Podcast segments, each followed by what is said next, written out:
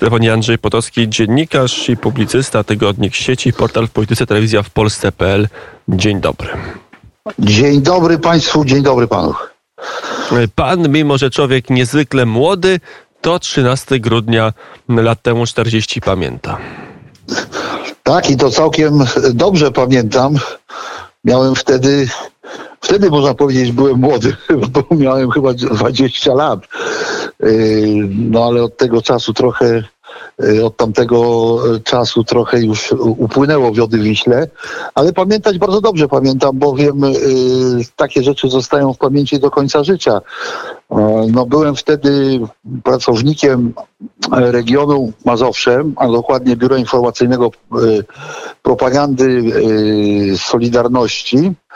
Y, BIPS-u tak zwanego y, i y, w sobotę, to była chyba sobota 12, jak pamiętam, spędziłem do godziny 22 w pokoju tam w biurze informacyjnym obok Teleksów i już przychodziły wtedy takie właśnie informacje, jak na przykład z Łomży, że tam e, meldowali, tamtejsze struktury Solidarności meldowały, że pojawiły się na ulicach e, czołgi. E, o godzinie 22 z minutami wyszedłem z regionu Mazowsze. Pojechaliśmy tam z kolegą gdzieś do znajomych i obudziliśmy się rano już jak właśnie Jaruzelski miał przemówienie i wtedy dowiedzieliśmy się, że właśnie został wprowadzony stan wojenny. No ja czym prędzej wyszedłem z domu, do tych znajomych, wsiadłem w taksówkę, pojechałem do regionu Mazowsze, no i wszedłem, zobaczyłem, że już wizyta ZOMO dała swoje efekty. Mianowicie tam na dole był taki, yy, taka wystawa zdjęć ze strajków chyba bodajże, co jakieś tam w ogóle imprez solidarnościowych. Te zdjęcia były pozrywane. Te drewniane takie, bo było na takich drewnach, jak z tego co pamiętam, y, te zdjęcia przyczepione, to było poprzewracane. Y, część, część szafek w ogóle w biurze informacyjnym była tak jakby łomem otwarta. No w każdym razie widać było dewastację i ostatni teleks był datowany na godzinę chyba bodajże pierwszą w nocy. To były jakieś trzy czy cztery słowa nie za bardzo zrozumiałem, nie za bardzo ich pamiętam, ale widać było, że wtedy nastąpiła ta przerwa i te teleksy zostały y, wyłączone. Y, tam zostałem do godziny gdzieś tak pierwszej, w pół do drugiej, kiedy nastąpił szturm ZOMO, y, no i wyprowadzili nas z góry, tam z sali konfer konferencyjnej, wzdłuż paleru zomowców, który był ustawiony na schodach regionu Mazowsze, prosto do tak zwanej Budy, czyli do ciężarówki z takim y, dla więźniów y, z takim dodatkowym y, takim dodatkowym pudłem, do którego się wchodziło. No i nas odwieźli wtedy na Wicią i tam żeśmy na Wiczy już na dole, na dołku spędzili resztę dnia. Do wieczora byliśmy tam przesłuchiwani przez bezpiekę, przez policję i tak wyglądał mój pierwszy dzień stanu wojennego. W dużym skrócie. Mm, od razu w akcji, od razu w wirze, a potem obserwowałeś w Warszawie, czy pan w obserwował w Warszawie stan wojenny, kolejne miesiące, lata, a potem dogorywanie PRL-u mm, już po oficjalnym zniesieniu stanu wojennego, ale jeszcze pod wodzą mm, Jaruzelskiego. Dekada stracona, tak wszyscy mówią, osiem e, straconych lat dla Polski. Osiem straconych lat y, mam, mam, ma pan redaktor na myśli y, te osiem lat, y, czyli stan Jaruzela. wojenny i potem co było potem, prawda? O tym tak mówimy. Jest. Czyli okres od 80 do 80, od 81 do 89. No tak, owszem, złamało to życie wielu ludziom. Stan wojenny nie chcę tam już mówić o sobie w końcu, jednak wtedy byłem młodym człowiekiem i gdyby nie stan wojenny, to prawdopodobnie y, bym skończył y, studia, y, został dziennikarzem i bym 8-10 lat zyskał do przodu w swojej karierze. E, a tak dopiero e, powróciłem do zawodu, który wtedy dopiero zacząłem wykonywać e, w 96 roku. No właśnie też miało to, miało to jeszcze spowodowane było także tym, że, że był wprowadzony stan wojenny, także przetrąciło to wiele życiorysów moim kolegom, którzy teraz co prawda się jakoś pozbierali w większości, ale niemniej jednak jakaś tam ich część, no nie można ich porównać do nomenklatury komunistycznej, Y, która się po stanie wojennym w wyniku umów okrągłostołowych i magdalenkowych y, uwłaszczyła i de facto to niestety to trzeba y, tutaj powiedzieć prawdę, to oni na tym skorzystali głównie, komuniści. No. Do tego jeszcze mamy schyłek Platformy, rok chyba 14, ale nie pamiętam myli, albo końcówka 13 i uroczysty z honorami pogrzeb generała Jaruzelskiego prezydent no tak, Bronisław Komorowski taki, organizuje. Taki, Dlaczego tak się musiało ja, skończyć? Dla takich ludzi jak ja, dla moich kolegów, to, to niestety y, był y, cios, y, bardzo poważny cios. Do tej pory jeszcze nie przeszedłem nad tym do porządku dziennego i uważam, że Jaruzelski, którego nie chcę tytułować nawet generałem, powinien być przeniesiony w inne miejsce z Alei Zasłużonych, ponieważ absolutnie ani jako Polak, ani jako żołnierz PRL-u oczywiście nie zasłużył sobie na takie miejsce. A dlaczego tak się to skończyło? Dlatego się tak skończyło, że y, wówczas właśnie podczas rozmów okrągłostołowych, bo tam nastąpił ten przełom, y, doszło do realizacji pomysłu, który jeszcze, y, który jeszcze zakwitał w latach, w roku 80, dokładnie 81. Ja sobie nawet przypominam taki 128 numer Niezależności, to było pismo wydawane przez Region Mazowsze, w którym ukazał się artykuł Jacka Kuronia, wówczas, no można powiedzieć, y, takiego towarzysza partyjnego y, Adama Michnika, y, czyli przedstawiciela koru lewicy, a dokładnie tej części koru, która, która należała do lewicy laickiej. I tam właśnie był opisana sytuacja, co zrobić, kiedy Solidarność y, zarządzi strajk generalny, wyjdzie wojsko na ulicę, robotnicy będą w zakładach, nastąpi pad i rozwiązaniem tego było właśnie, y, cytuję ten artykuł, sytuacja, kiedy mądrzy ludzie, czy rozsądni ludzie ze strony komunistycznej, rozsądni ludzie Solidarności, plus jeszcze tam ekipa paksowska, która współpracowała zarówno z komunistami, jak i, jak i z Michnikiem i Kuroniem i, innymi tam konsortes, jak na przykład Przetak Markiewicz, y, wtedy właśnie y, dojdą do porozumienia. Y, I to był pierwszy moment, kiedy, kiedy oficjalnie przedstawiciele właśnie byłego KSS KOR, czy części tego byłego KSS KOR powiedzieli, że ich celem jest dogadanie się z komunistami, można powiedzieć właśnie wykorzystując walkę, bohaterską walkę Solidarności. I oni się specjalnie nikogo nie pytali, czy to robić, czy tego nie robić. Potem się różnie układało już w stanie wojennym i później te stosunki pomiędzy Jaruzelskim, Michnikiem, e, a dokładnie lewicą laicką. W każdym razie finał tego był taki, że właśnie kiedy miało dojść do okrągłego stołu, te strony y, porozumiały się, czyli de facto ten artykuł, ten artykuł y, w niezależności 128 numeru jeszcze sprzed stanu wojennego wojennego oczywiście y, jak gdyby wypełnił się y, i zostało zawarte te porozumienie.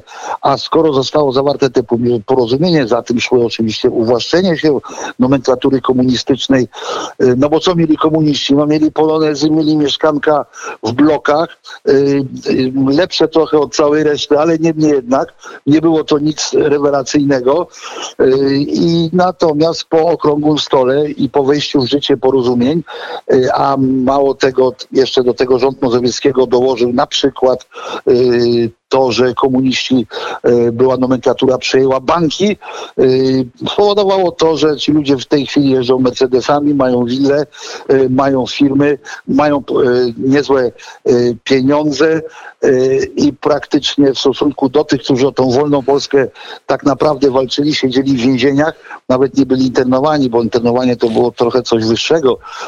Taki szef komisji zakładowej, który organizował strajk w stanie wojennym, mógł trafiał do zwykłego więzienia. To ci ludzie, że tak powiem, w stosunku do tych komunistów, którzy się uwłaszczyli po okrągłym stole na mocy tej właśnie umowy, nazwijmy ją Michnik Jaruzelski, to, to, to, to, to niestety, ale, ale klepią, można powiedzieć, biedę. No i to jest ta wielka niesprawiedliwość, która nastąpiła po stanie wojennym i po upadku komuny, czy tak zwanym upadku komuny w Polsce, o czym zresztą wspominał Adam Michnik, prywatnie wypowiadając takie zdanie, y, że y, idąc w kierunku porozumienia z komunistami, w Polsce nie mogło nastąpić y, rozwiązanie sprawiedliwe. To nie było możliwe, bowiem albo się z nimi dogadujemy, albo z nimi idziemy na udry. Wybraliśmy, no oczywiście to był Adam Michnik, bo wielu było przeciwników tej, tej umowy, a poza tym ona nie była taka znowu jawna, ta umowa, tylko raczej to było zawierane w, w mieszkaniach, na przykład jak u Kulonia na Mickiewicza. Raczej oficjalnie się o tym nie mówili. W każdym razie sztama taka wtedy została już zawarta. No i efekty tego widać było po 11 latach, czy tam 12, y, jak widzieliśmy te spotkanie Michnika z Jaruzelskim. Jak gdyby wtedy sobie przypomniałem ten 128 numer Niezależności y, i wówczas te dyskusje, które wokół tego, że artykułu były y, i nasze spory właśnie z lewicą laicką, z Adamem Michnikiem, jak gdyby było to dla mnie logiczne zakończenie tego procesu. Także zarówno okrągły stół, jak i ta rozmowa nie jest dla mnie absolutnie absolutnie y, żadnym zdziwieniem. Jedyne co mogę to tylko boleć nad tym, że tak się potoczyły losy mojego kraju. Chociaż mogło być gorzej, bo zdaje się, że sojusz lewicy laickiej, Adama Michnika, Kuronia i im podobnych z komunistami miał trwać wiecznie. Nigdy miał się nie skończyć i zawsze władza miała przechodzić z rąk jednych do drugich. W najgorszym wypadku mieli rządzić razem, jakby się już inaczej nie dało wprost, a tutaj sytuacja potoczyła się z ich punktu widzenia niepomyślnie towarzystwo było bliskie y, osiągnięcia ideału. Ja mówię towarzystwo, bo myśmy tej formy towarzystwo używali właśnie w regionie Mazowsze w Solidarności w stosunku do y, lewicy leickiej. Myśmy ich prywatnie nazywali towarzystwem i towarzystwo było rzeczywiście blisko realizacji tego celu. Y, mieli już pod sobą no prawie wszystkie, znaczy wszystkie media mainstreamowe wówczas. Mam na myśli tam drugą połowę lat 90., kiedy, kiedy prawica miała niewiele do powiedzenia w każdym razie na pewno nie w mediach. Y, no, poza rządami AWS-u, które też były taką mieszanką, miksem y, niezbyt udanymi, y, no nie było praktycznie żadnych szans na to, żeby przejąć władzę i dopiero, i dopiero poniekąd dzięki właśnie upartej postawie braci Kaczyńskich i, i, i, i tych ekipy z porozumienia Centrum udało się w końcu w 2015 roku całe to towarzystwo od władzy odsunąć. E, przy telefonie Andrzej e, Potocki. To teraz trochę od historii, jeśli przechodzili do teraźniejszości, to już w ogóle e, zmieńmy temat na politykę współczesną. Oczywiście stan wojenny nie da się oddzielić całkiem od współczesności. Cały czas na współczesność nam się narzuca. Niestety chciałoby się dodać w tym momencie, a my mamy temat polityki. Jeśli mogę, jeśli mogę tylko jedno jeśli mogę wtrącić jeszcze jedno zdanie, kończąc ten temat stanu wojennego. E, według mnie i moich kolegów, e, myśmy to już mówili przed okrągłym stołem i w trakcie okrągłego stołu. Okazało się, co, czego dowodem niestety jest ten film y, Anity, y, pokazany przez Anitę Gargac y, i on pokazuje tę tragedię, że to w zasadzie oszustwo, że to, co robił Adam Michnik i jego ludzie, z komunistami razem, to była po prostu kłótnia w rodzinie. I to jest najbardziej przykre z tego wszystkiego. To nie było tak, że to była walka Solidarności z ich strony oczywiście z reżimem, tylko po prostu to była kłótnia w rodzinie, bowiem te wszystkie środowiska wywodzą się z jednego pnia jeszcze przedwojennego, mam na myśli KPP.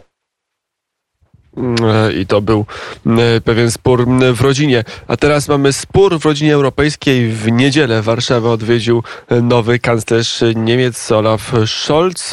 Rozmawiał z naszym premierem Mateuszem Morawieckim, premierem Polski. Rozmowy, jak wszyscy mówią, w takiej atmosferze y, przyjaznej, ale jednak szorstkiej. Widać, że nie ma tutaj jakiejś wielkiej miłości, raczej jest gra e, interesów.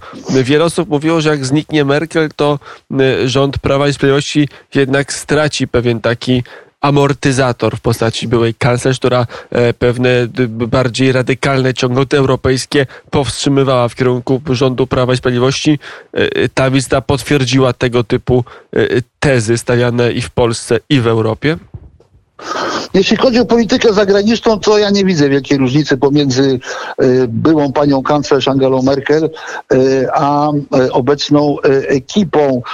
One tam się oczywiście różnią, jak na przykład ten obecny rząd, co jest chyba z korzyścią akurat mówi oficjalnie, że chce dążyć do Europy sfederalizowanej i nie boi się tego powiedzieć. Natomiast Angela Merkel, ona tego wprost nie mówiła, a de facto rząd niemiecki dalej to robił, rząd niemiecki dalej y, utrzymywał przyjazne stosunki y, z Rosją, czego dowodem jest Nord Stream 2 oraz y, kontrakty firm niemieckich z, z Rosjanami.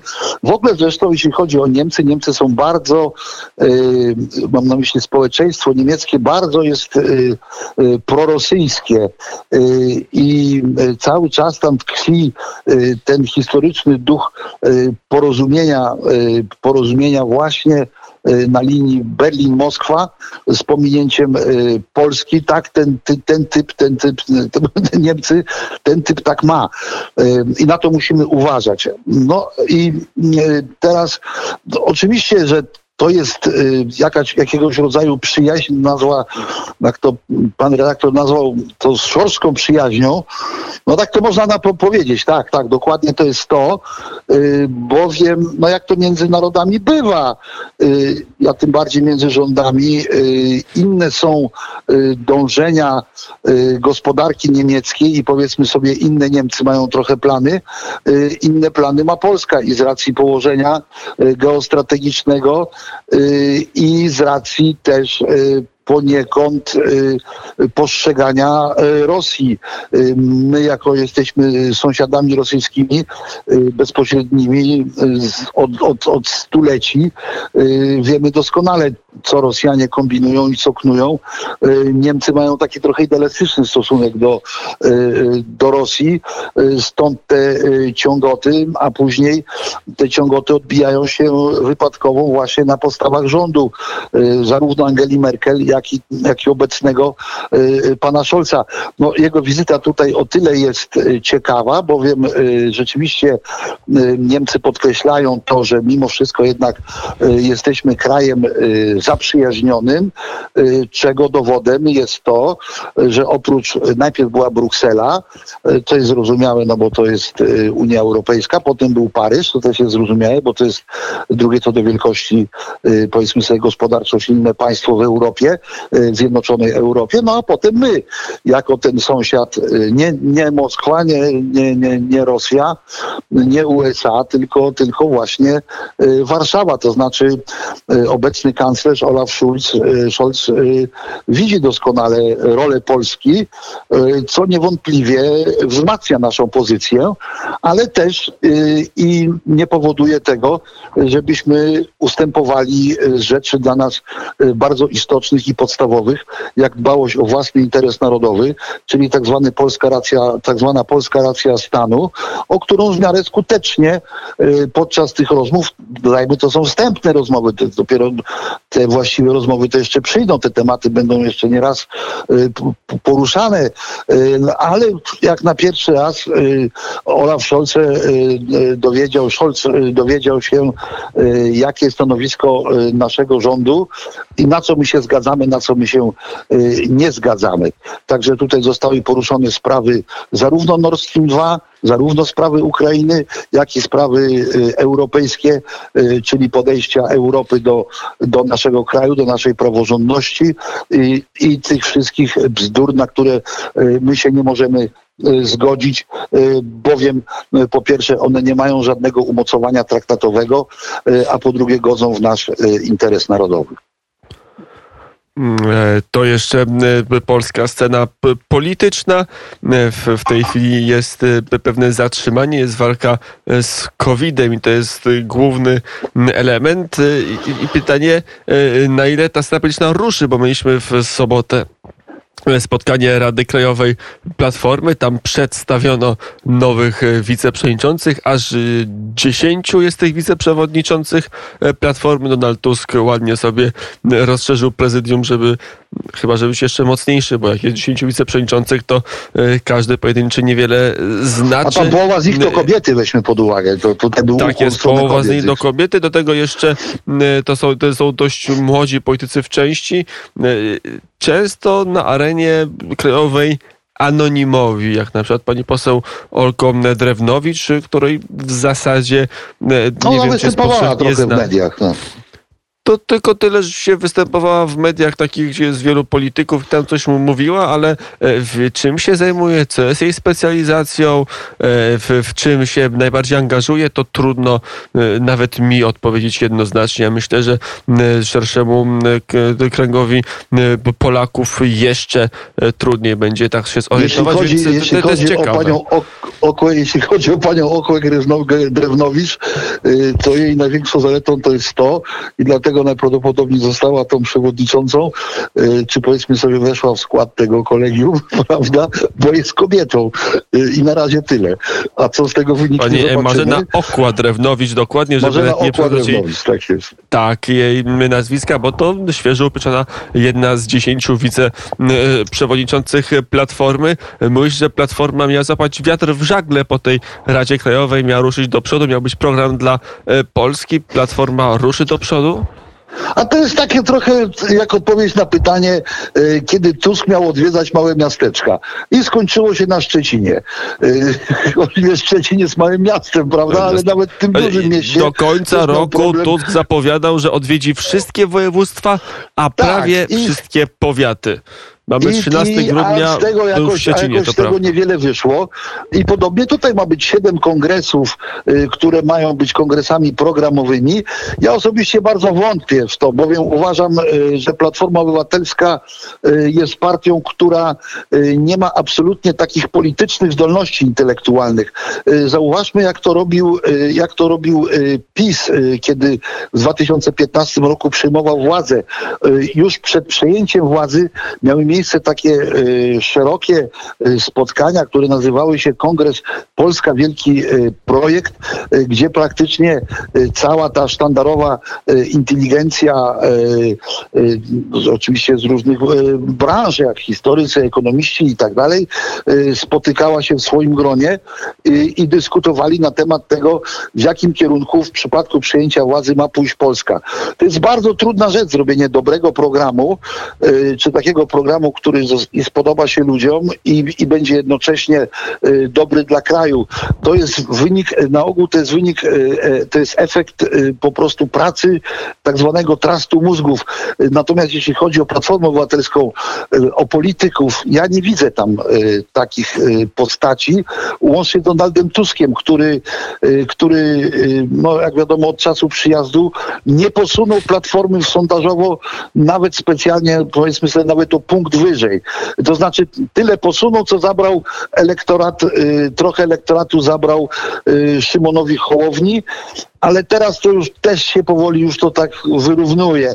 Y, w każdym razie no, nic więcej nie zrobił. To świadczy o tym, że mm, no, stracił te pół roku, odkąd tutaj w Polsce już rządzi. Czy nie, nie rządzi, tylko po prostu tam w Platformie To niech puentą będzie to, że dzisiaj mamy sondaż Cebosu, gdzie Platforma znowu zrównuje się poparciem e, z ruchem Szymona Hołowni. Szymona Hołowni, e, tak jest.